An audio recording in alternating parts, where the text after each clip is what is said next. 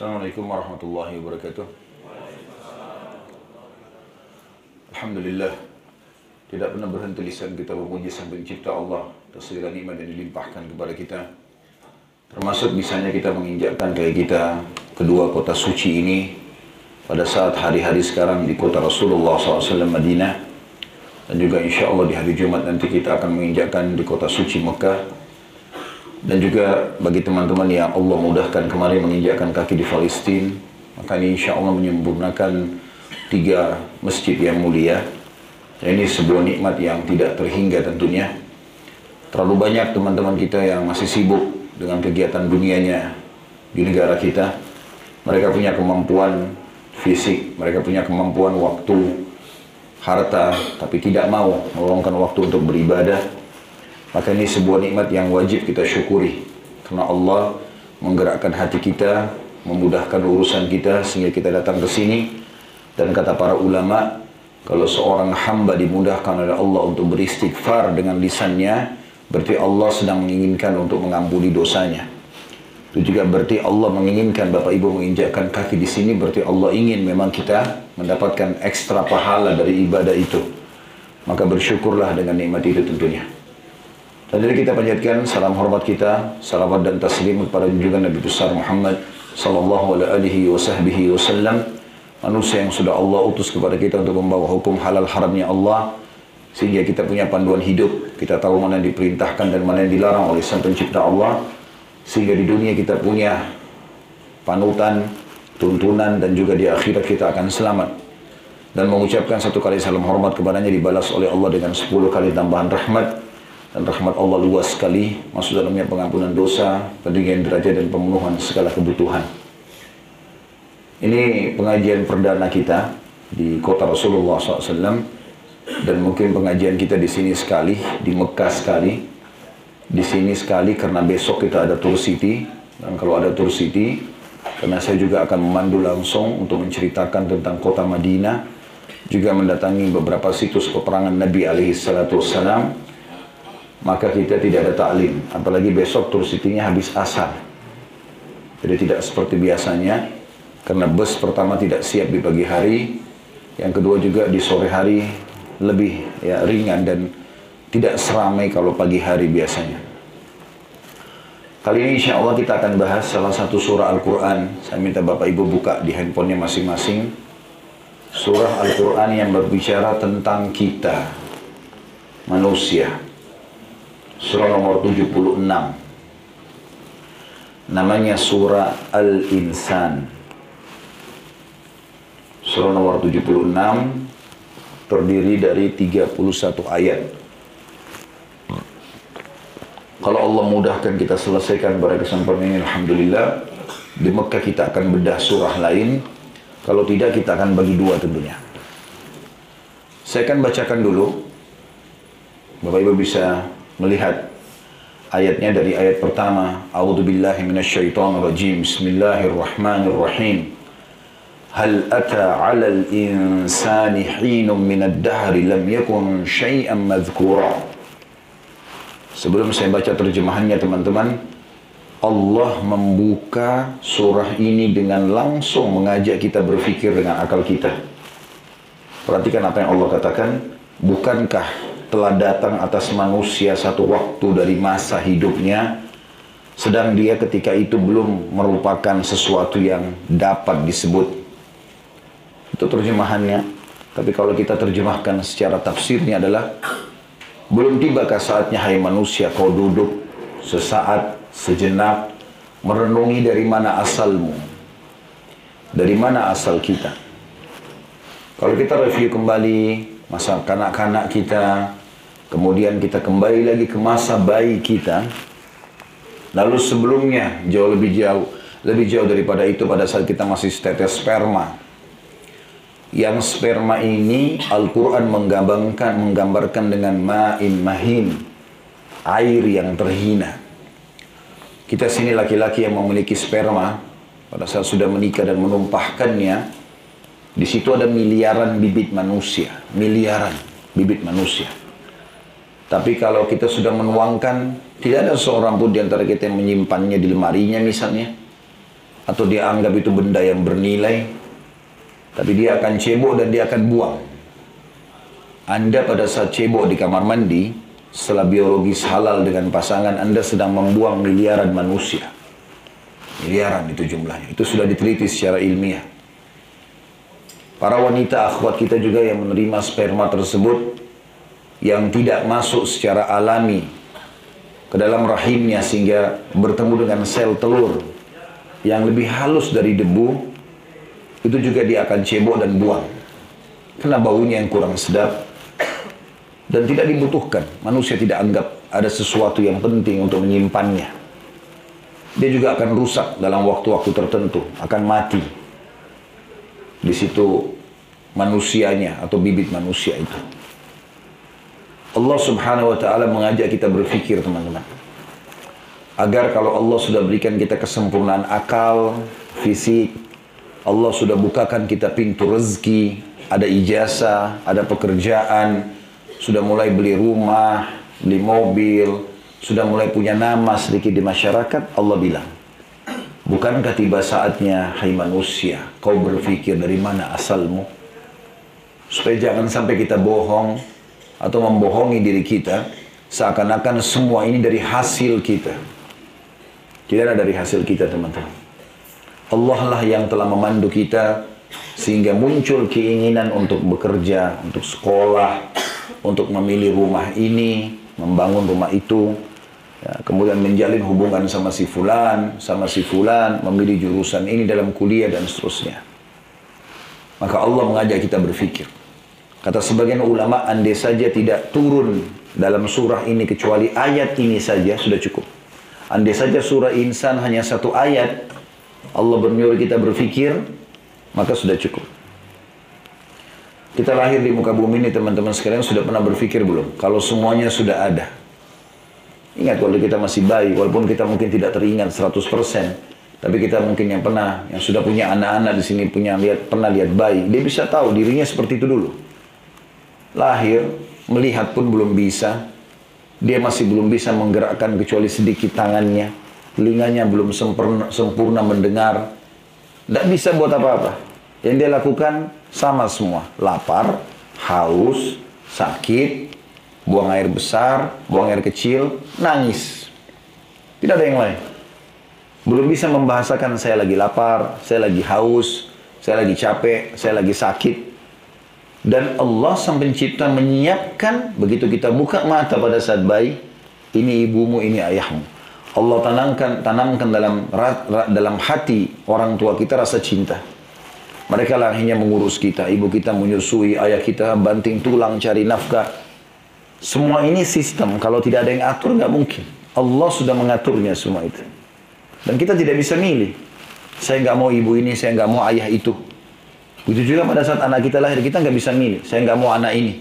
Nggak bisa. Kita nggak bisa milih alisnya harusnya begini, matanya begini. Lahir ya sudah begitu. Tiba-tiba kita punya status sebagai orang tua, dia anak itu status sebagai anak. Lalu terjalinlah hubungan antara kedua orang tua dan anak, dan dalam syariat Allah diatur supaya anak berbakti pada orang tuanya, orang tua memberi nafkah dan perhatian pendidikan kepada anaknya. Ini semua bahan renungan. Supaya jangan sampai manusia merasa dirinya selalu lebih baik. Teman-teman sekalian, kapan Anda selalu merasa diri lebih baik dari orang lain, maka di saat itulah Anda gagal. Di saat itu kita gagal. Karena semua peluang kebaikan akan hilang dari kita. Tapi di saat kita merasa diri kita kurang, kalau kita lihat orang yang lebih tua, ucapkan dalam diri kita sendiri, dia lebih tua, amalnya lebih banyak. Dan pada saat kita lihat orang yang masih lebih muda, kita mengatakan, dia lebih muda, dosanya lebih sedikit. Sehingga kita selalu berada di rel merasa khawatir. Karena tidak akan bergabung antara keamanan dunia dengan keamanan akhirat. Kalau orang selalu merasa aman di dunia, Sudahlah cukup saya sudah sholat bawah waktu, nggak usah sholat sunnah. Terus sudahlah tadi saya sudah sholat diterima nggak terima nggak masalah. Tadi saya sudah sedekah mau sedikit banyak nggak penting. Eh saya sudah baik kok sama orang tua saya pada saat itu nggak usah lagi. Minggu lalu saya sudah datang ke rumahnya minggu ini nggak usah. Terus merasa sudah cukup. Padahal sebenarnya setiap hari ada buku lembaran amal. Setiap hari ada amal. Apa kata Nabi SAW? Jangan seseorang di antara kalian berkata, dulu saya pernah sholat malam. Itu dulu. Sekarang, dulu waktu masih gadis, 17 tahun, 15 tahun, dulu waktu masih bujang, saya sholat malam. Saya selalu ke masjid. Sekarang tanya dirimu, kalau sekarang gimana? Ada juga orang lebih unik, bangga dengan amal orang lain. Ibuku itu rajin sekali mengaji. Itu ibumu. Kamu gimana? Ayahku itu baik sekali, selalu silaturahmi sama keluarga. Itu ayahmu. Kamu sendiri bagaimana? Makanya pepatah Basar mengatakan, Laisal fata man yakulu kana abi kada wa kada. Bukan anak muda yang cerdas, yang mengatakan dulu ayahku begini dan begitu. Prestasi orang tuanya, prestasi orang lain yang dia banggakan. Ini sahabat saya begini dan begitu. Itu si fulan begini dan begitu. Dia sendiri tidak tahu dirinya. Walakinnal fata man yakulu ha anadha. Tapi anak muda yang cerdas yang mengatakan ini loh saya. Tapi antara dia dengan Allah subhanahu wa ta'ala. Dia tunjukkan yang terbaik kepada Allah. Itu harus kita lakukan. Waktu tidak akan pernah terulang. Kesempatan tidak bisa terulang. Dan juga masa muda tidak akan kembali. Dalam pepatah bahasa Arab dikatakan. Laita syababu yahudu yauman. Coba seandainya masa muda bisa kembali sesaat saja. Maksudnya penyesalan. Kan? Kalau ada di antara anda di sini pernah mau berbuat maksiat kepada Allah Subhanahu Wa Taala, semoga Allah maafkan kalau pernah terjadi. Lalu terbatalkan, syukurilah teman-teman. Jangan sampai anda mengatakan, dulu saya punya peluang berzina, coba saya lakukan ya. Jangan. Karena semua perbuatan salah akan ada efek jerah. Tidak ada perbuatan salah yang tidak dihukum. Allah SWT berikan efek jerah. Jadi untuk apa? Lebih baik kita berada dalam rel kebaikan. Di dunia ini teman-teman cuma dua pilihan. Menjadi orang baik sekalian atau menjadi orang buruk sekalian. Kalau tengah-tengah nggak enak gitu. Menjadi orang baik sekalian, sekalian jadi orang soleh, orang soleh. Usah setengah-setengah. Di situ nanti Bapak Ibu akan rasakan nikmatnya iman kepada Allah.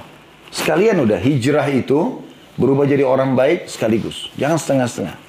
Langsung sholatnya benar, tutup auratnya benar, pendapatannya benar, persahabatannya benar, semuanya benar. Nggak ada lagi negosiasi. Mau orang bicara apa pun, saya nggak peduli. Saya akan dihisap sama Allah.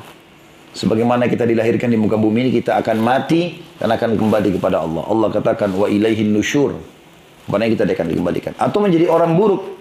Orang kalau jadi buruk sekalian, pemabuk sekalian, penjahat sekalian, dia nikmati itu.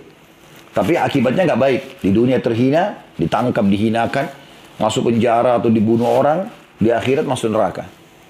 Cuma sayangnya kita masih ada selalu ada di tengah-tengah. Kita mau jadi orang baik iya, tapi masih buka pintu maksiat. Di sini teman-teman, antum tidak akan merasakan lagi khusyuknya sholat. Nggak ada maknanya kalau baca Al-Quran. Susah, netesin air mata itu kayaknya nggak mungkin gitu. Karena apa? Karena kita masih membuka pintu-pintu dosa. Nggak bisa, kita harus sekalian menjadi orang yang baik. Saya pernah berbicara sama sahabat dekat saya kebetulan di Madinah sini. Insya Allah tidak ada halangan mungkin besok saya ketemu sama beliau. Dr. Hussein Jabiri, hafizahullah. Beliau dosen di kampus. Kami kadang-kadang kalau telepon-teleponan selalu saling nasihatin gitu. Satu waktu saya lagi bicara sama dia terus saya bilang, apa nih yang kita bisa bicarakan berdua. Jadi sebelum bicara urusan lain, kita saling nasihatin dulu nih. Dia sempat bilang sama saya, Khalid, kali ini kau yang mulai. Saya tidak tahu subhanallah kenapa tiba-tiba lisan saya ucapin itu. Saya pun ambil pelajaran dari situ. Saya bilang sama dia, siapa ulama di Saudi ini yang paling kamu banggakan? Dia bilang Syekh Bimbas. Syekh Bimbas itu salah satu mufti Saudi dulu. Sudah meninggal rahimahullah. Orangnya buta, fatwanya di mana-mana. Menjadi ulama rujukan dunia dulu. Maka dia bilang Syekh bin Bas. Saya bilang kenapa? Dia bilang karena dia orang soleh, ahli ilmu. Ya. Ulama, dia hafal Quran, banyak sekali menyebar ilmunya di mana-mana. Terus saya tanya, baiklah, kalau itu alasannya. Sekarang Syekh bin Bas sudah meninggal. Saya mau tanya, menurut kacamata kamu sementara, penilaian kita manusia, Syekh bin Bas di surga atau di neraka? Dia bilang di surga. Secara teori begitu. Artinya Allah akan balas dengan surga karena Allah mengatakan, Siapa yang berbuat amal soleh, beriman dan beramal soleh, dia akan masuk surga. Dan tidak mungkin janjinya Allah salah. Dan itu yang secara zahir kita lihat, gitu kan. Saya bilang baik. Penilaianmu tidak salah, saya bilang. Penilaianmu tidak salah, itu benar. Itu sudah nggak ada yang nggak ada yang luput. Syekh bin Bas seorang ulama besar, beliau juga tersebar semasa hidupnya, masya Allah fatwanya sana sini. Dan kita berharap secara teori agama jelas dia beriman beramal soleh dia akan masuk surga. Itu tidak ada keraguan dalam masalah ini. Karena salah satu bentuk kesempurnaan iman seseorang adalah dia yakin dengan janji Allah terhadap orang beriman beramal soleh akan diberikan ketentraman dunia dan akhirat, keselamatan dunia dan akhirat, dan juga orang yang berdurhaka dan berbuat maksiat akan dihukum dunia, dihukum di akhirat. Itu tidak boleh ragu sama sekali. Bahkan kalau kita melihat ada orang yang berbuat kemaksiatan lalu berlimpah nikmat pada dia, itu sabda Nabi SAW berlaku. Kalau kau lihat nikmat Allah melimpah pada seorang hamba, maka pastikan itu adalah tadarruj. Padahal dia bermaksiat ya. Kalau kau lihat nikmat seorang, nikmat Allah melimpah pada seorang hamba dan dia bermaksiat, maka pastikan itu adalah tahapan siksaan dari Allah. Maka saya bilang dia ditutupan nasihat kami pada saya saling menasihatin, saya bilang, kalau begitu Jadikan dirimu seperti Syekh bin Bas mumpung kau masih hidup. Mumpung kau masih hidup sekarang, kejar prestasi supaya nanti kalau kau meninggal, selama kau hidup kau sama dengan dia, bisa fatwa sana sini dengan cara menuntut ilmu. Kalau kau meninggal juga orang akan nilai kau masuk surga. Teman-teman bahkan di ruangan ini sekarang bisa tahu dirinya di surga atau di neraka. Bapak Ibu sudah tahu sendiri. Ada seseorang pernah datang kepada seorang ulama, datang kepada seorang khalifah Umawi kerajaan Umayyah waktu itu. Begitu dia masuk langsung khalifah bertanya, saya kira-kira ini di surga atau di neraka kalau saya mati nanti. Kata dia apa? Hai Amir Mu'minin, pertemukan diri Anda dengan firman Allah Subhanahu wa taala. Kata khalifahnya, yang mana? Ayat yang mana? Dia bacakan. Innal abrara lafi na'im. Semua orang-orang yang patuh kepada Allah, abrar, pasti masuk surga. Lafi na'im. Wa innal fujjara lafi jahim. Dan orang-orang yang fujar bermaksiat pasti masuk neraka. Itu firman Allah. Anda lebih tahu dari Anda. Kalau Anda sekarang sudah coba beramal saleh, azan, sholat, tutup aurat, pendapatan yang masuk hanya yang halal saja, terus saja jaga kebaikan, tinggalkan kemaksiatan, Anda masuk surga. Dan kalau Anda melakukan kemaksiatan, Anda lebih tahu dari Anda. Bisa saya di depan orang berbeda, tapi di belakang berbuat salah misalnya. Dan tidak taubat, maka masuk neraka. Itu teori sederhananya.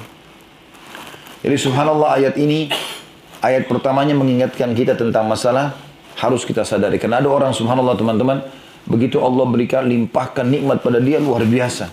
Lalai. Lalai dari ketaatan. Ayat keduanya, Allah menceritakan, Inna khalaqnal insana min nutfatin amsyadhin nabtalihi fajalnahu sami'an basira. Sesungguhnya kami telah menciptakan manusia dari setetes mani yang bercampur. Dan kami hendak mengujinya dengan perintah dan larangan. Jadi kita di dunia ini ada perintah, ada larangan. Ya. Karena itu kami jadikan dia bisa mendengar dan melihat. Jadi seperti teman-teman kita di dunia seperti kita lagi kerja di perusahaan. Ada pemilik perusahaan. Alam semesta ada pemiliknya. Maka kita harus ikuti peraturan perusahaan supaya dapat gaji. Yang melanggar kena hukuman. Sederhana. Seperti itulah. Lalu Allah menjelaskan di ayat tiganya supaya manusia bisa tahu mana jalan benar, mana jalan salah. Inna hadainas inna hadainahu sabila imma syakiran wa imma kafura. Sesungguhnya kami telah menunjukinya jalan yang lurus. Ada yang bersyukur, ada pula yang kafir. Maksudnya kami telah turunkan syariat, peraturan-peraturan Mana yang boleh dari makanan, minuman, pakaian, mana ibadah yang wajib, mana yang sunnah, mana larangan yang haram, mana yang makruh, sudah kami turunkan semua. Dibawa oleh utusan Allah SWT Nabi Muhammad SAW. Sekarang kita sholat di masjidnya. Di depan mata kita masih ada rumahnya, ada kuburannya. Orang jutaan orang mengikuti uh, ajarannya. Alaihissalatu wassalam. Dan itu jelas depan mata kita. Tiap hari bertambah pengikut kaum muslimin sampai Nabi Muhammad SAW dijadikan sebagai pemimpin yang paling berhasil dunia oleh orang-orang barat sendiri. Dalam 23 tahun masa dakwanya tidak pernah habis ajaran itu bahkan terus bertambah pengikutnya. Dan tidak pernah ada satupun dari pengikutnya yang kalau nabinya dihina mereka ridho dan mau menerima. Padahal nabi sudah meninggal. Tidak ada pemimpin seperti itu. Allah utus beliau membawa syariat kita jadi tahu mana boleh, mana tidak boleh. Maka Allah mengatakan, kami tunjukin mereka jalan yang lurus. Tapi ada yang bersyukur. Dianggap itu sebagai pedoman hidup. Ada yang kufur. Gak mau ikut. Lalu Allah jelaskan di ayat empatnya. Inna a'tadna lil kafirina salasila wa aglalan wa sa'ira. Diketahuilah, khusus bagi orang-orang yang kafir, nggak mau ikutin syariat Allah, halal haram, nggak mau dipedulikan, perintah larangan, Sesungguhnya kami menyediakan bagi orang-orang kafir rantai, belenggu, dan neraka yang menyala-nyala. Ya, ini tentu ada penjelasan sendiri masalah neraka. Tetapi teman-teman sekalian, uh, ada sebuah hadis yang mulia yang perlu kita renungi berhubungan dengan masalah neraka ini. Kata Nabi SAW akan didatangkan pada hari kiamat nanti orang yang paling besar nikmatnya Allah pada dia. Kata sebagian ulama hadis, raja yang mungkin kalau jalan tidak pernah injak tanah, injak karpet, ya, selalu dari karpet ke karpet, pakai pakaian yang mewah, semua jenis kendaraan, makanan, semuanya ada dia miliki. Didatangkan hari kiamat tapi dari ahli neraka. Lalu dicelupkan satu celupan di neraka, lalu dikeluarkan. Lalu ditanya, apakah pernah kau rasakan kenikmatan selama ini? Pernah nggak terlintas dalam hidupmu satu kali kenikmatan yang kau rasakan? Maka dia mengatakan tidak pernah demi Allah. Hilang semua 70 tahun kenikmatan yang dirasakan hanya karena satu celupan di neraka. Sebaliknya kata Nabi SAW datangkan orang yang paling susah di dunia. Mungkin sendal pun dia nggak punya. Pakainya cuma itu di badan. Tapi dari ahli surga. Azan, sholat. Ini subhanallah saya saksikan di Jakarta. Kadang-kadang kalau lagi dari taklim ke taklim saya mampir sholat di pinggir jalan. Begitu azan yang mampir penjual bakso, penjual gorengan, Subhanallah orang yang susah. Kalau dia jual semua gorengannya 200 ribu, 300 ribu. Yang naik mobil Mercy, mobil Arfat tidak ada yang mampir sholat. Subhanallah, depan mata kelihatan. Mereka lalaikan ibadah, tapi ada orang-orang susah subhanallah. Mereka malah ibadah kepada Allah subhanahu wa ta'ala. Ahli surga adalah orang-orang yang memang mau peduli dengan masalah itu. Kata Nabi SAW akan datangkan hari kiamat orang ahli surga yang paling susah di dunia, susah sekali hidupnya. Lalu dicelupkan satu celupan ke dalam surga, dimasukkan dikeluarkan lagi. Ditanya, pernah nggak kau rasa penderitaan selama ini? Pernah sekali saja lewat susah dalam hidupmu? Dia mengatakan tidak pernah demi Allah. Hilang semua, hanya satu celupan di surga. Sudah begitu, ya. Jadi hati-hati teman-teman, jangan anggap remeh masalah neraka. Hukuman Allah berat. Pernah rasa demam, apalagi kalau sampai 40, mungkin ada di sini yang pernah dirawat, saya pernah rasakan tuh demam, dirawat sampai 40 derajat, panasnya luar biasa gitu. Susah tidur, susah makan. Itu cuma bagian kecil dari panasnya api neraka. Kata Nabi SAW, kalau kalian demam, dinginkanlah dengan air. Karena itu bagian kecil dari tiupan api neraka. Dan kata Nabi SAW, Allah menciptakan ya, neraka api neraka itu 70 kali kalau misalnya. Lebih panas daripada api kalian ini. Jadi api ini cuma satu bagian saja. Itu sesuatu yang berat hanya karena melanggar selama di dunia. Yang ingin lebih jauh tentu mempelajari masalah ini ada bahasan saya di YouTube judulnya Membedah Buku Rasulullah SAW Cerita Surga dan Neraka. Ada 30 pasal sekian neraka, 30 pasal sekian surga. Selama dari sini bisa diikuti tentunya. Baik ada paket wifi atau uh, internet atau paket wifi di hotel insya Allah bisa. Dan kalau kita renungi di sini teman-teman, Allah Subhanahu wa taala ingin hamba yang masuk surga dan Allah tidak ingin kita masuk neraka. Terbukti salah satunya di ayat ini, di surah ini, Allah sebutkan tentang ancaman neraka cuma satu ayat saja, di ayat 4. Mulai ayat 5 sampai beberapa ayat ke depan, itu semua tentang surga. Allah bilang di ayat 5-nya, Innal abrara yashrabuna min ka'sin kana mizajuha kafura. Sesungguhnya orang-orang yang berbuat kebaikan, patuh kepada Allah, yang halal dinikmati, yang haram dijauhi, mereka akan minum dari gelas yang berisi minuman yang campuran campurannya adalah air kafur. Apa itu air kafur ya Allah? Allah bilang di ayat 6-nya. Ainan yashrabu biha ibadullah yufajjirunaha tafjira. Yaitu mata air khusus di dalam surga yang daripadanya hamba-hamba Allah minum. Yang mereka dapat mengalirkannya dengan sebaik-baiknya. Tentu ini ada hubungannya dengan surah Muhammad ya surah nomor 47 ayat 15. Allah subhanahu wa ta'ala menceritakan kalau di surga nanti akan ada empat lautan yang darinya juga terpecah menjadi empat sumber minuman setiap istana di surga. Baik ingatkan saya, ini di ayat ke-6 ya. Sekarang coba kita buka dulu surah Muhammad supaya kita hubungkan dengan ini surah nomor 47 ayat 15. Ya.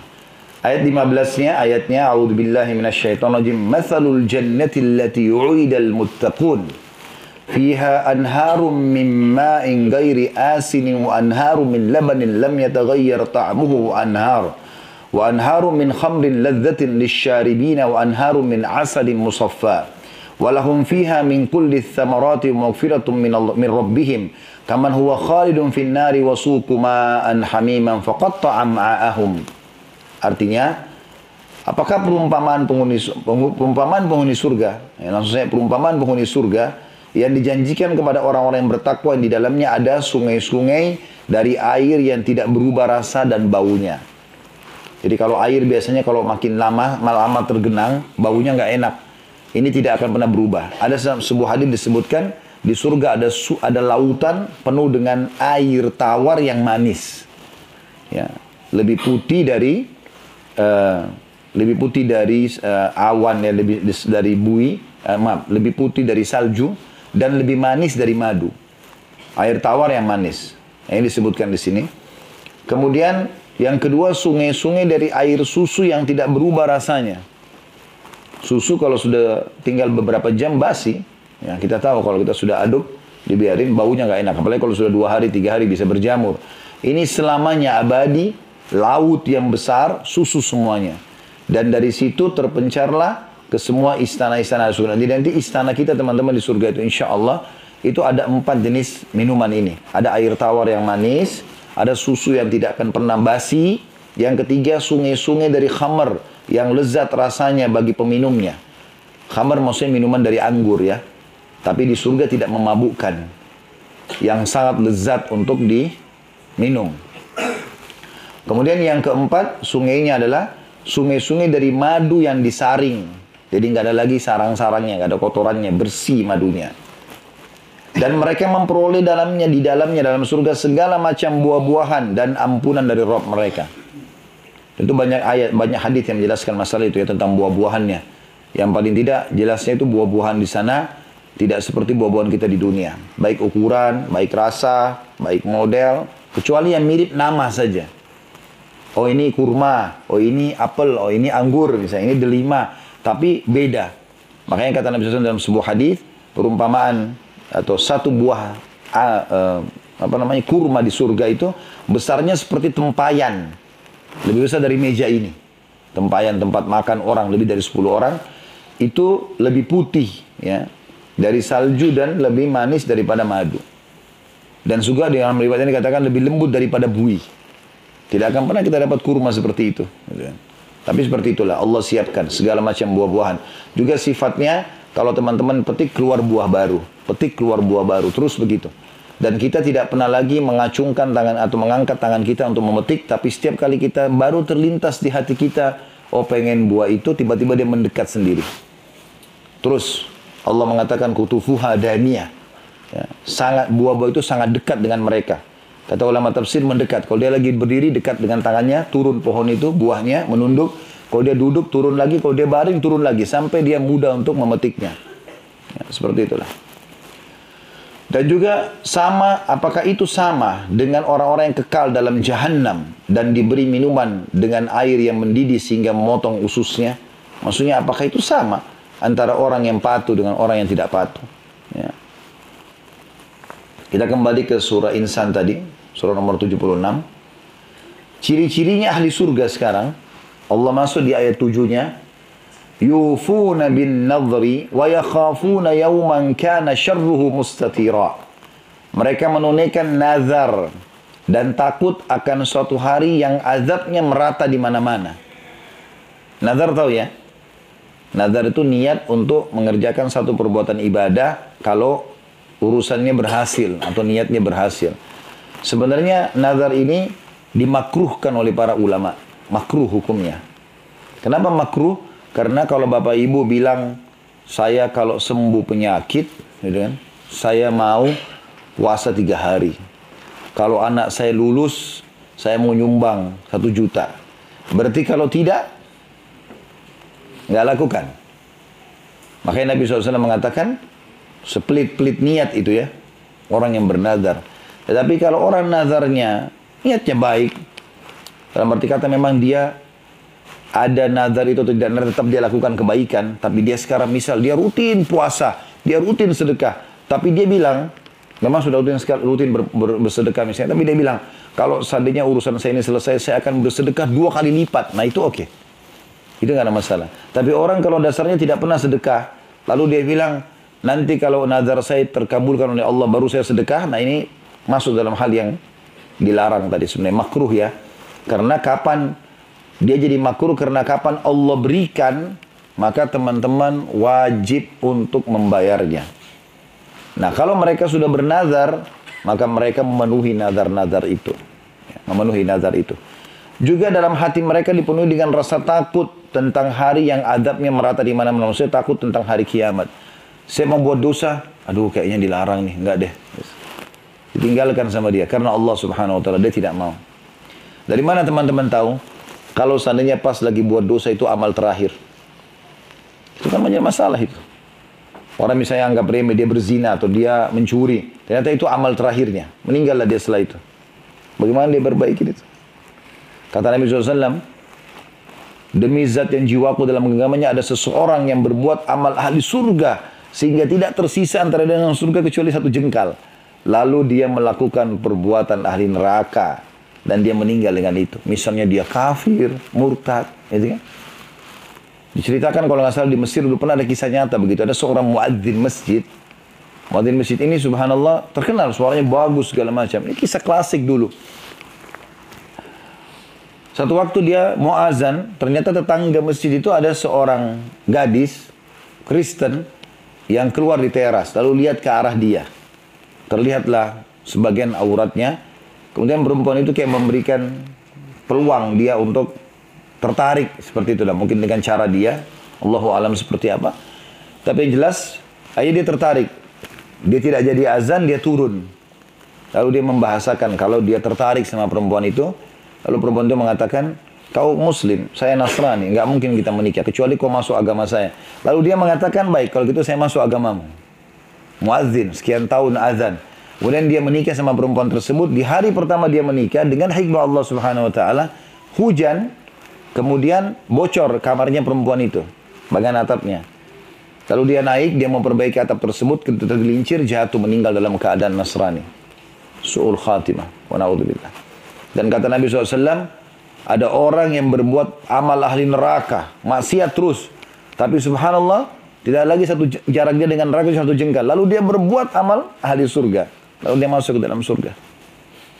Maka teman-teman harus pahami masalah itu. Sibukkan diri setiap hari dari amal soleh ke amal soleh apalagi. Sudah cukuplah masa-masa lalu yang terus lalai dari amal-amal soleh ini. Amal soleh itu enak. Sholat itu nikmat kok. Puasa itu enak, ibadah itu enak, baca Quran. Asal kita nikmati, kita mengejar pahalanya, ah shit kok itu.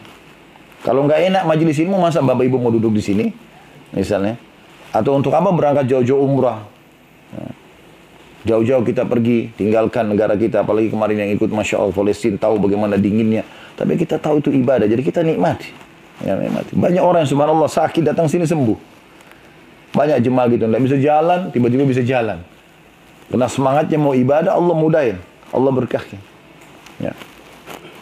Kemudian yang kedelapan ciri yang lain selain menjalankan nazar mereka, wa yut'imuna at-ta'ama ala hubbihi miskinan wa yatiman wa asira. Dan mereka memberikan makanan yang disukainya. Garis bawahi kalimat itu. Disukainya kepada orang miskin, anak yatim dan orang yang ditawan.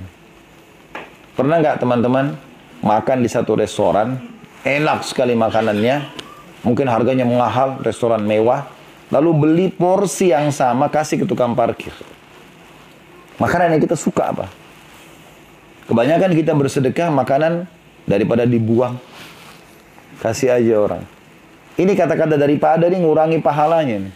Hah? Nanti malaikat juga tulis ini sedekah daripada. Hmm?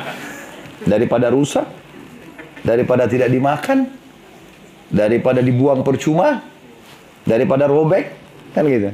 Bahasanya daripada semua. Maka Allah Subhanahu wa taala juga memberikan dia pahala segitu. Tapi orang harus berpikir. Memberikan makan Allah katakan makanan yang disukainya. Buah yang masih segar, yang paling bagus, yang mahal sedekahin gitu. Sedekah itu manfaatnya buat kita. Allah nggak butuh itu. Teman-teman ubah persepsi sebagian kita. Mudah-mudahan di sini tidak semuanya, tapi pasti saya yakin ada sebagian orang yang menganggap Allah butuh dengan ibadahnya. Makanya dia kalau sholat gerakan saja Allah Akbar, Allah Akbar, Sami Allah Assalamualaikum warahmatullah. Udah sholat pak? Udah. Udah sholat bu? Sudah. Seakan-akan Allah butuh dengan sholatnya. Dia nggak mau tahu khusyuk kah tadi? Nggak khusyuk kah? Dia cuma tahu dirinya pada saat Allahu Akbar. Nanti juga waladhalin sadar sedikit. Ya. Salam baru sadar. Oh iya sudah sholat.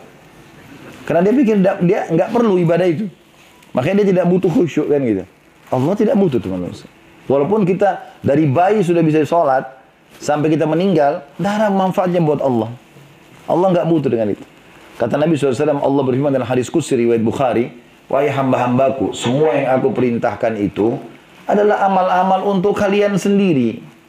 Yang aku tugaskan kalian kerjakan, aku berikan balasannya kepada kalian. Allah nggak butuh. Makanya Allah bilang dalam Al-Quran tentang kurban. Yang kita berkurban hewan kurban di Idul. Allah mengatakan, A'udzubillahi minasyaitonirrajim. La yanalullahu luhumuha wala dima'uha wala dima'uha walaki yanalu taqwa minkum. Allah nggak pernah butuh dengan daging hewan kurban kalian dan darahnya. Tapi Allah menilai ketakwaan kalian. Patuh nggak sih? Jadi kalau teman-teman masih merasa oh ternyata ini saya lakukan seakan-akan sudah sangat besar yang dia lakukan, dia sudah berikan hal yang besar untuk Allah, keliru. Para sahabat, ya, para orang-orang soleh, salafus dulu tidak begitu mereka. Mereka malah ketakutan. Apa kata Umar radhiyallahu Kalau seandainya pada hari kiamat, wahai muslimin, semua orang dipanggil masuk surga dari umat Muhammad SAW kecuali satu, saya takut saya satu orang itu. Padahal Umar sudah dapat tiket dari surga. Nabi SAW mengatakan Umar di surga dijamin. Bahkan kata Nabi SAW Abu Bakar sama Umar pemimpin anak-anak muda di surga dari orang yang terdahulu dan akan datang kecuali para nabi-nabi. Tapi begitu subhanallah mereka ketakutannya. Kita teman-teman kalau bersedekah, kalau tidak ada orang yang datang minta, keluar. Cari sumber sedekah itu. Merasa butuhlah. Kan. Jangan merasa teman-teman amal itu akan datang. Jadi kalau Anda tinggal di satu komplek elit, ada security, nggak pernah ada orang miskin masuk seminggu, sebulan, kita naik mobil, keluar langsung ke kantor, masuk di mall, nggak ada orang miskin. Jadi kita nggak sedekah sama sekali. Padahal kata Nabi SAW, setiap hari Allah turunkan malaikat dua. Yang satu mengatakan, Ya Allah, luaskan rezeki orang yang bersedekah. Dan yang satu mengatakan, Ya Allah, hancurkan, binasakan orang yang bakhil dan pelit. Kita harus memberikan kepada orang. Sedekah di antaranya memberikan makan kepada orang. Ini selalu saja mau terima hadiahnya tetangga, tapi nggak pernah mau balas tetangga. Kapan lagi tuh ibu sebelah kirim makanan ya? Makanannya kemarin enak, padahal dia kembali piring kosong. Hah? Bagaimana bis? Kapan lagi kamu traktir saya bilang sama temannya, dia sendiri nggak pernah traktir. Duduk di restoran makan sama temannya, tunggu-tungguan, siapa lebih dulu ke kasir. Karena bakhil. Saya subhanallah pernah makan dengan beberapa orang di Indonesia, saya depan mata lihat ini berlumba-lumba ke kasir tanpa sepengetahuan temannya. Jadi pas yang satu mau bayar, sudah ada, oh sudah dibayar sama bapak itu. Yang satu juga pada saat mau bayar, oh sudah, yang satunya sudah deposit dari kemarin. Dan sudah bayar. Jadi booking rumah makan itu sudah dibayar semuanya. Taruh uang sejuta, dua juta, pokoknya berapapun kurangnya tinggal tambah. Jadi orang berlumba-lumba, padahal tadinya itu pura-pura ke kamar mandi, terus mau bayar, tapi sudah dibayar oleh temannya. Saking luar biasa itu. Ya. Memberi makan ini teman-teman adalah amal yang sangat besar. Traktir orang makan. Baik itu makanan sembako ya. Ataupun yang sudah siap makan. Apalagi sekarang kita di Indonesia lagi ditimpa musibah banjir. Semoga Allah angkat masalah itu. Ya. Kesempatan memberikan makan kepada orang ini. Dalam sebuah hadis riwayat Muslim ditanya kepada Nabi SAW oleh seorang sahabat, Ya Rasulullah, ayu islamin khair? Amalan apa yang dalam Islam paling besar pahalanya? Kata Nabi SAW, tuti'imu ta'am, kau berikan makan kepada orang. Wa tusallimu ala man tarib man. Dan engkau memberikan salam kepada orang yang kau kenal dan kau tidak kenal. Tapi ingat, berikan dari makanan yang apa? Disukai. Makanan favoritnya. Ya. Terutama untuk orang tua, untuk orang-orang yang memang Allah suruh kita lebihkan mereka ya. Ya, banyak orang di antara kita kalau disuruh ditelepon sama gubernur, wali kota atau anggaplah presiden. Nanti datang ke istana saya ya, misalnya. Saya mau pesan buah-buahan. Kira-kira Bapak Ibu beli buah di mana? Hah? Di pasar kah atau di mall? Terus beli buah kalau ada kualitas satu, kualitas dua yang mana dibeli? Kualitas satu. Di kresek atau di keranjang? Kenapa nggak semua nyaut ini? Tahu diri. Kita akan cari yang terbaik jeruknya, pesan sama pemilik tokonya, ya. Pasti yang paling baik ini buat presiden. Saya mau tanya jujur, kalau orang tua Anda yang pesan, beli di mana? Kalau ibu yang pesan, ayah pesan, nak bawain ibu buah. Mampir di pinggir jalan beli. Pak, maaf pak, ada yang busuk sedikit. Apa-apa. Buat ibu saya. Buat ayah saya. Mana lebih mulia? Memberikan orang tua atau memberikan presiden? Orang tua. Walaupun kita muliakan pemimpin kita, tapi orang tua. Tapi banyak orang subhanallah tidak begitu. Memberi makan ini adalah pahalanya besar. Allah sebutkan ini ciri ahli surga. Terutama buat orang tua kita. Ada kejadian nyata di Saudi sini subhanallah. Dia teman-teman sekalian satu jam lagi difonis di, di penjara seumur hidup. Dan itu tuduhan palsu. Dia mengambil apalah segala macam tuduhan-tuduhannya oleh orang yang tidak suka sama dia. Dia hartanya banyak mau diambil, mau disita sama orang itu. Dia telepon seorang syekh, syekh ini cerita di pengajiannya. Saya lihat cuplikannya dia mengatakan, tapi saya tidak tahu siapa namanya orang itu, cuma cerita, cuma saya tertarik dengan kisahnya. Dia mengatakan, dia telepon saya, orang itu lalu mengatakan, syekh, saya udah coba membela diri saya, berikan bukti-bukti, tapi semua gagal. Sekarang satu jam lagi saya akan difonis oleh penjara di penjara seumur hidup. Difonis oleh pengadilan di penjara seumur hidup. Apa saran anda? Kata syekhnya, apa ibumu masih hidup? Ada orang tuamu hidup nggak? Dia bilang sisa ibu saya. Kamu bisa keluar dari pengadilan? Bisa. Rumah ibumu dekat situ gak? Dia bilang dekat. Satu kota. Kalau salah kalau salah di Riyadh atau di Jeddah di sekitar Saudi sini. Terus kata syekhnya, kalau kau mau dengar saran saya, sekarang kau keluar dari pengadilan, mampir di restoran terbaik, beli makanan yang terbaik, lalu kau pergi ke depan ibumu makan siang sama dia. Kata orang itu, Syekh, setengah satu jam lagi saya difonis penjara semua itu bagaimana sempat nih? Kata Syekh, kalau kau mau dengar saran saya silakan. Akhirnya dia ikuti, dia keluar dari pengadilan, dia pergi beli makanan. Ketahuan dari mana? Setengah jam lagi dia telepon Syekhnya, setengah jam aja. Dia telepon, dia bilang, Syekh, Alhamdulillah ada berita gembira. Saya ditelepon oleh pengadilan tiba-tiba sekarang ternyata orang yang mau menipu saya itu terbongkar. Ada orang lain yang membongkar kedoknya dan dia sekarang yang dibalik terfonis. Gitu. Dan semua hak saya dikembalikan. Kata syekhnya, kira-kira menurut kau apa sebabnya? Dia bilang, demi Allah syekh, semenjak saya duduk di sini, taruh makanan buat ibu saya, saya tidak ceritakan masalah saya. Tapi ibu saya saking senangnya, dia mengatakan, nak semoga urusanmu selesai, semoga kau tidak hadapi masalah-masalah. Dan saya yakin gara-gara itu. Berapa banyak orang yang lalaikan itu? Kesempatan.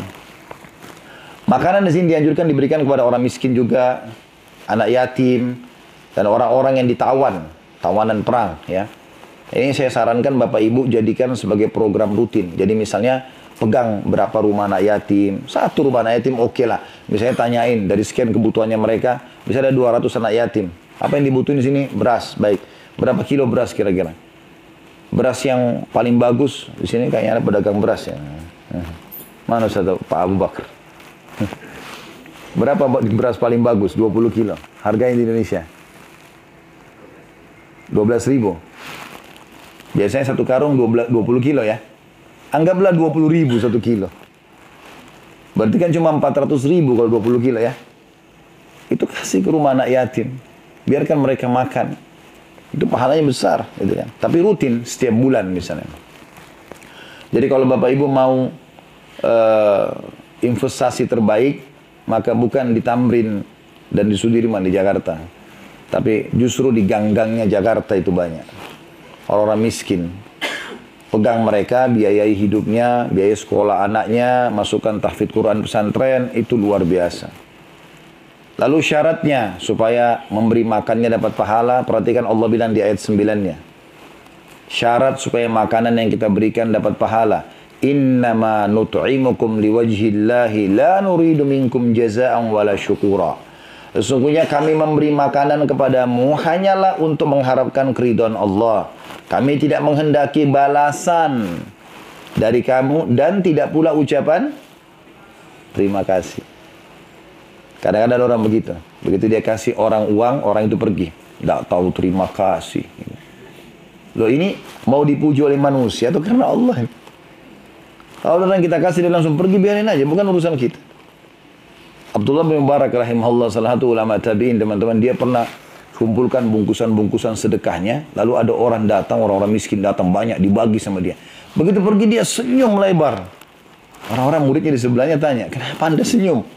Harta anda habis dibagi-bagikan kepada orang. Dia bilang lihatlah orang-orang ini. Mereka sedang membawa amal-amalku ketimbangan amal hari kiamat tanpa upah secara zahir seakan-akan mereka dapat manfaat duniawi. Tapi secara ukhrawi, akhirat sebenarnya kita yang dapat manfaat. Karena nilainya itu akan kita dapat di timbangan amal kita hari kiamat. Jadi jangan pernah merasa kalau kita sedekah berarti kita sudah memberikan pada dia. Tidak, kita bersyukur. Abdullah bin Umar, Abdullah bin Abbas, pada orang ini itu kalau kedatangan, kalau setiap hari orang miskin datang ke rumah ini, dikasih sama dia. Pada saat mereka tidak datang, dia, mereka keluar cari, mana tuh orang miskin yang biasa minta tuh. Didatangin. Sebagian orang tidak. Tidak datang hari ini, syukur nggak datang. Biasanya tiap hari itu. Ya. Ada orang datang, ini tiap hari datang minta nih. Gak aja tiap hari minta, kenapa?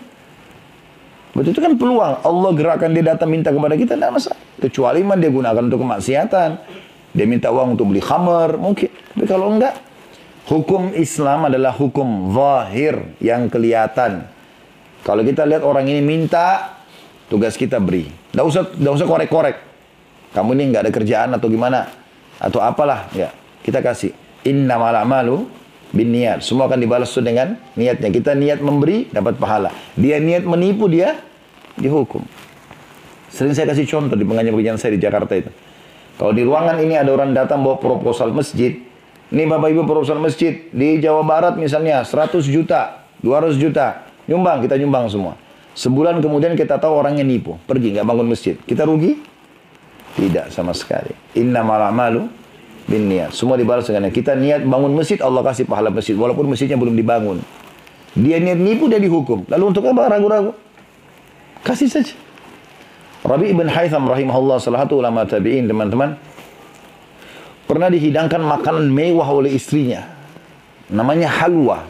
Bahasa ini halwa ini hampir semua negara Arab punya halwa ya.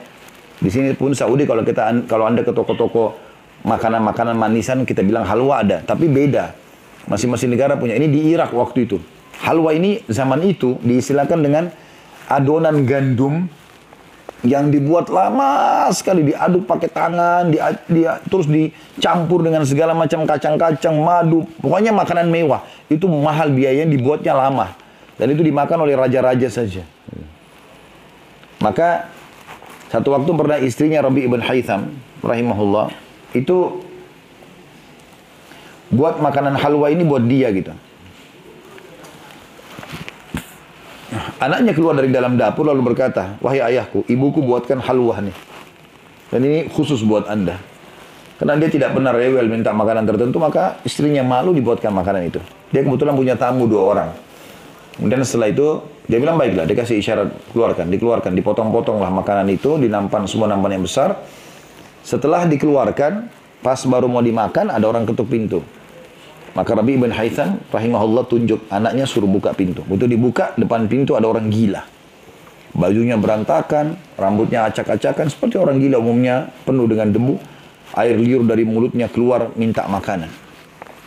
Rabi ibn Haytham rahimahullah tunjuk makanan ini, halwa yang mewah ini, suruh kasih orang gila itu. Suruh anaknya bawa. Anaknya bawa ke sana. Anaknya niatnya bawa nampan itu, nanti tiba di orang gila dia mau kayak satu potong saja. Tapi begitu tiba depan orang gila, subhanallah orang gila tahu juga makanan-makanan enak atau tidak gitu ya. Begitu dia lihat diambil satu piring semua, dimakan sampai habis oleh orang gila ini. Yang lebih unik lagi, setelah dia makan dilempar piringnya pergi nggak terima kasih.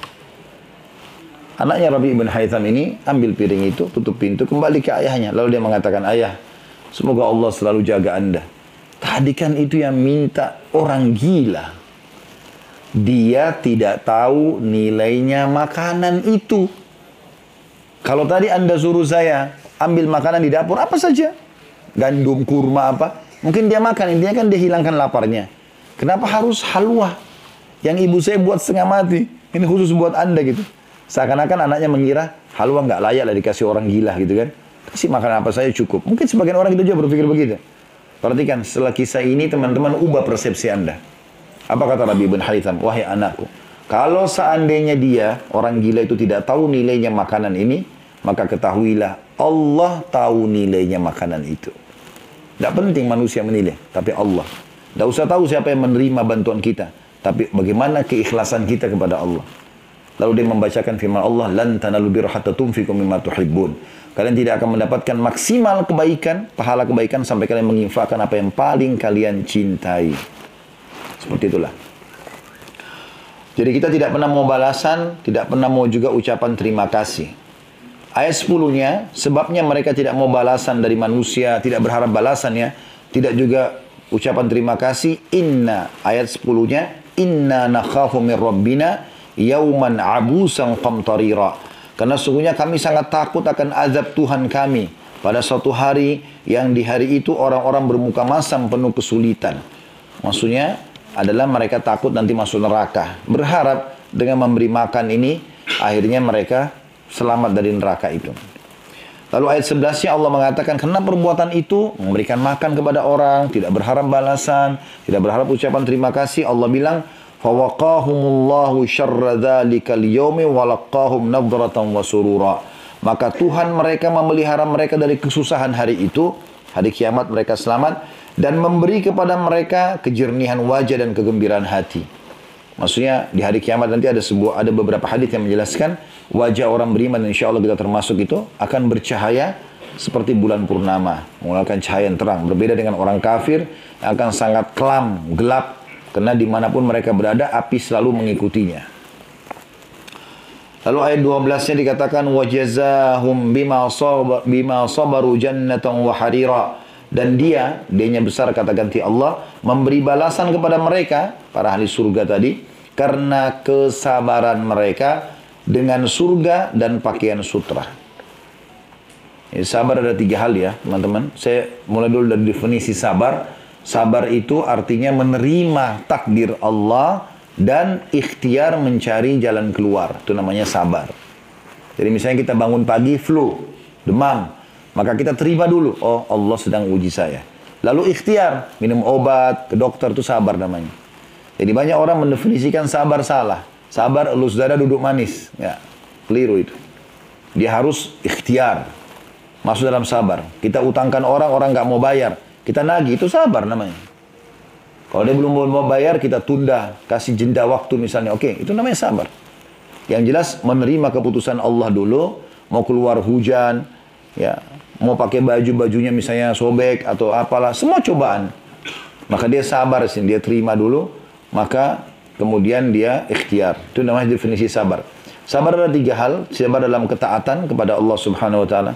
Kayak misalnya kita duduk di majelis ilmu seperti ini butuh kesabaran, bangun sholat malam, baca Quran, apalah bersedekah, apa yang kita sukai, semua itu butuh kesabaran. Sabar dalam ketaatan. Yang kedua, sabar dalam meninggalkan kemaksiatan.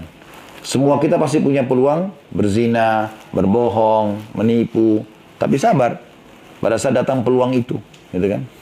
Dan yang ketiga, sabar dalam cobaan harian. Sakit, gangguan orang, segala macam, sabar. Ingatlah teman-teman, kalau Allah menguji kita, berarti Allah sedang mencintai kita. Makanya kata Nabi SAW, Inna Allah yuhibbu. Inna Allah idha habba abdan ibtalah. Allah kalau menguji seorang hamba, berarti Allah mencintainya.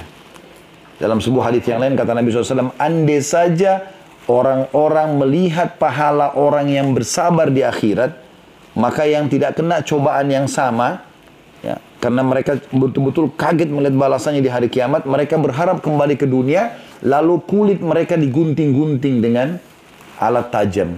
Andai saja kita lihat pahalanya orang-orang yang ditimpa musibah, kelaparan, kesusahan harta, gangguan ini, meninggal orang yang dicintai, apalah, segala macam gangguan dalam rumah tangganya, dia sabari. Itu pahalanya hari kiamat. Kalau orang yang tidak kena cobaan yang sama, dia akan lihat, maka dia berharap kulitnya digunting-gunting, supaya dia dapat pahala yang seperti orang itu. Ya, saking besarnya pahalanya. Kalau kita nggak diuji teman-teman di muka bumi ini, kita akan melampaui batas. Tapi dengan adanya sakit, kita tahu nilainya sehat. Adanya lapar, kita tahu nilainya makan. Coba bayangkan teman-teman, yang membuat kita enak makan apa? Lapar. Kan? Yang membuat kita enak minum justru hausnya. Yang membuat kita enak tidur justru capeknya, gitu kan? Semua itu kenikmatan. Jadi tangga untuk mendapatkan kenikmatan itu. Allah mengatakan itulah kami balas atas kesabaran mereka surga dan juga pakaian sutra. Berapa menit lagi azan? Asyur dakaik? Sisa 12 menit lagi kurang lebih azan. Baik kita insya Allah cukupkan sampai ayat 15 ya. Lalu dikatakan oleh Allah SWT di surga itu tambahannya adalah muttaqiina fiha 'alal araik la yarawna fiha syamsan wala zamharira. Di dalam surga itu mereka akan duduk bertelekan di atas dipan. mereka tidak merasakan dalamnya teriknya matahari dan tidak pula dingin yang bersengatan. Pernah dalam sebuah riwayat Ibnu Abbas, radhiyallahu ditanya, bagaimana penerangan cahaya di surga? Maka kata Ibnu Abbas, bukankah kau lihat matahari pada saat awal terbit? Ya. Maka seperti itulah keadaan cuacanya, ya, awal matahari terbit, tidak dingin, tidak panas, tidak menyengat. Ya. Seperti itu sepanjang waktu, selamanya. Jadi nggak ada lagi gelap, tidak lagi malam di surga. Semuanya terang, semuanya kenikmatan. Seperti itulah. Ya. Cuma kata Ibn Abbas, cuma di sana tidak ada lagi matahari. Lalu Allah mengatakan di ayat 14-nya, wadaniyatan alaihim dhilaluha wa dhullilat dan naungan pohon-pohon surga itu dekat di atas mereka dan buah dimudahkan memetiknya dengan semudah-mudahnya. Terus sudah saya kasih gambaran tuh ya. Pohon-pohonnya bukan lagi kayak pohon kita di dunia. Sampai kata Nabi SAW di surga itu ada pohon, kalau penunggang kuda dengan kecepatan tinggi, dengan kuda yang terbaik berjalan 100 tahun masih belum melewati naungannya. Ya, salah satu ciri surga disebutkan khudur, hijau. Hijau itu sebagian ulama tafsir mengatakan hijau dengan pepohonan karena banyaknya pohon-pohon gitu kan. Dan buahnya dimudahkan semudah-mudahnya itu dipetik. Tadi saya sudah katakan kalau kita berdiri maka buahnya mendekat ke tangan kita. Kita nggak perlu lagi mengangkat tangan kita. Kalau kita duduk mendekat juga. Kalau kita baring juga mendekat ke tangan kita. Sehingga sangat mudah untuk dipetik. Lalu ayat 15-nya wa yutafu alaihim bi aniyatin min fiddatin wa aqwabin kanat dan diedarkan kepada mereka bejana-bejana dari perak dan piala-piala yang bening laksana kaca ya. Jadi artinya mereka akan diberikan gelas-gelas yang gelas-gelas itu seperti kaca bentuknya piala-piala ya dan laksana kaca artinya bisa terlihat minuman dalamnya. Kayaknya saya nggak bisa putuskan sampai ayat 15 ini karena bersambung ya. Ayat 16-nya qawarira min fiddatin qaddaruha taqdira yaitu kaca-kaca yang terbuat dari perak yang telah diukur untuk mereka dengan sebaik-baiknya. Kata sebagian ulama maksudnya adalah ukurannya untuk dipegang pas, ukuran yang untuk ditaruh di minum untuk di mulut untuk meminum juga pas ya. Seperti itu bahasa Allah tentang masalah gelas-gelas itu. Ayat 17-nya wa yusqawna fiha ka'san kana mizajuha zanjabila dan di dalamnya Ya, dalam surga itu mereka diberi minum segelas minuman yang campurannya adalah jahe. Dan ini tentu teman-teman sudah tahu atau perlu kalau yang belum tahu, semua yang disebutkan dalam Al-Qur'an, buah-buahan kah, ya seperti ini rempah kah, ya itu semuanya pasti yang terbaik. Di dunia pun makan begitu. Ya, semua penelitian sudah menyebutkan masalah jahe bagaimana mematikan banyak sekali bakteri dalam tubuh, menghangatkan tubuh dan seterusnya. Ini minuman ahli surga. Ya, baik disuguh dalam kondisi dingin ataupun panas gitu kan. Juga dalam surah Ar-Rahman Allah sebutkan tentang kurma, delima, ya, anggur, itu kan disebutkan semua. Maka itu semua adalah makanan-makanan terbaik di dunia yang harusnya dikonsumsi tentunya. Ini Allah sebutkan. Kemudian yang 18-nya ainan fiha tusamma salsabila dan di dalamnya terdapat sebuah mata air surga yang dinamakan salsabila. Ya. Ini sampai sini saya bahas insya Allah. Kita akan lanjutkan di talim kita akan datang nanti untuk menutup sampai 35 atau ayat 35. Allah alam baik sampai sini insyaallah. Kita sebelum berdiri kafaratul majlis. Subhanakallahumma bihamdika asyhadu an la ilaha illa anta wa atubu ilaik. Assalamualaikum warahmatullahi wabarakatuh.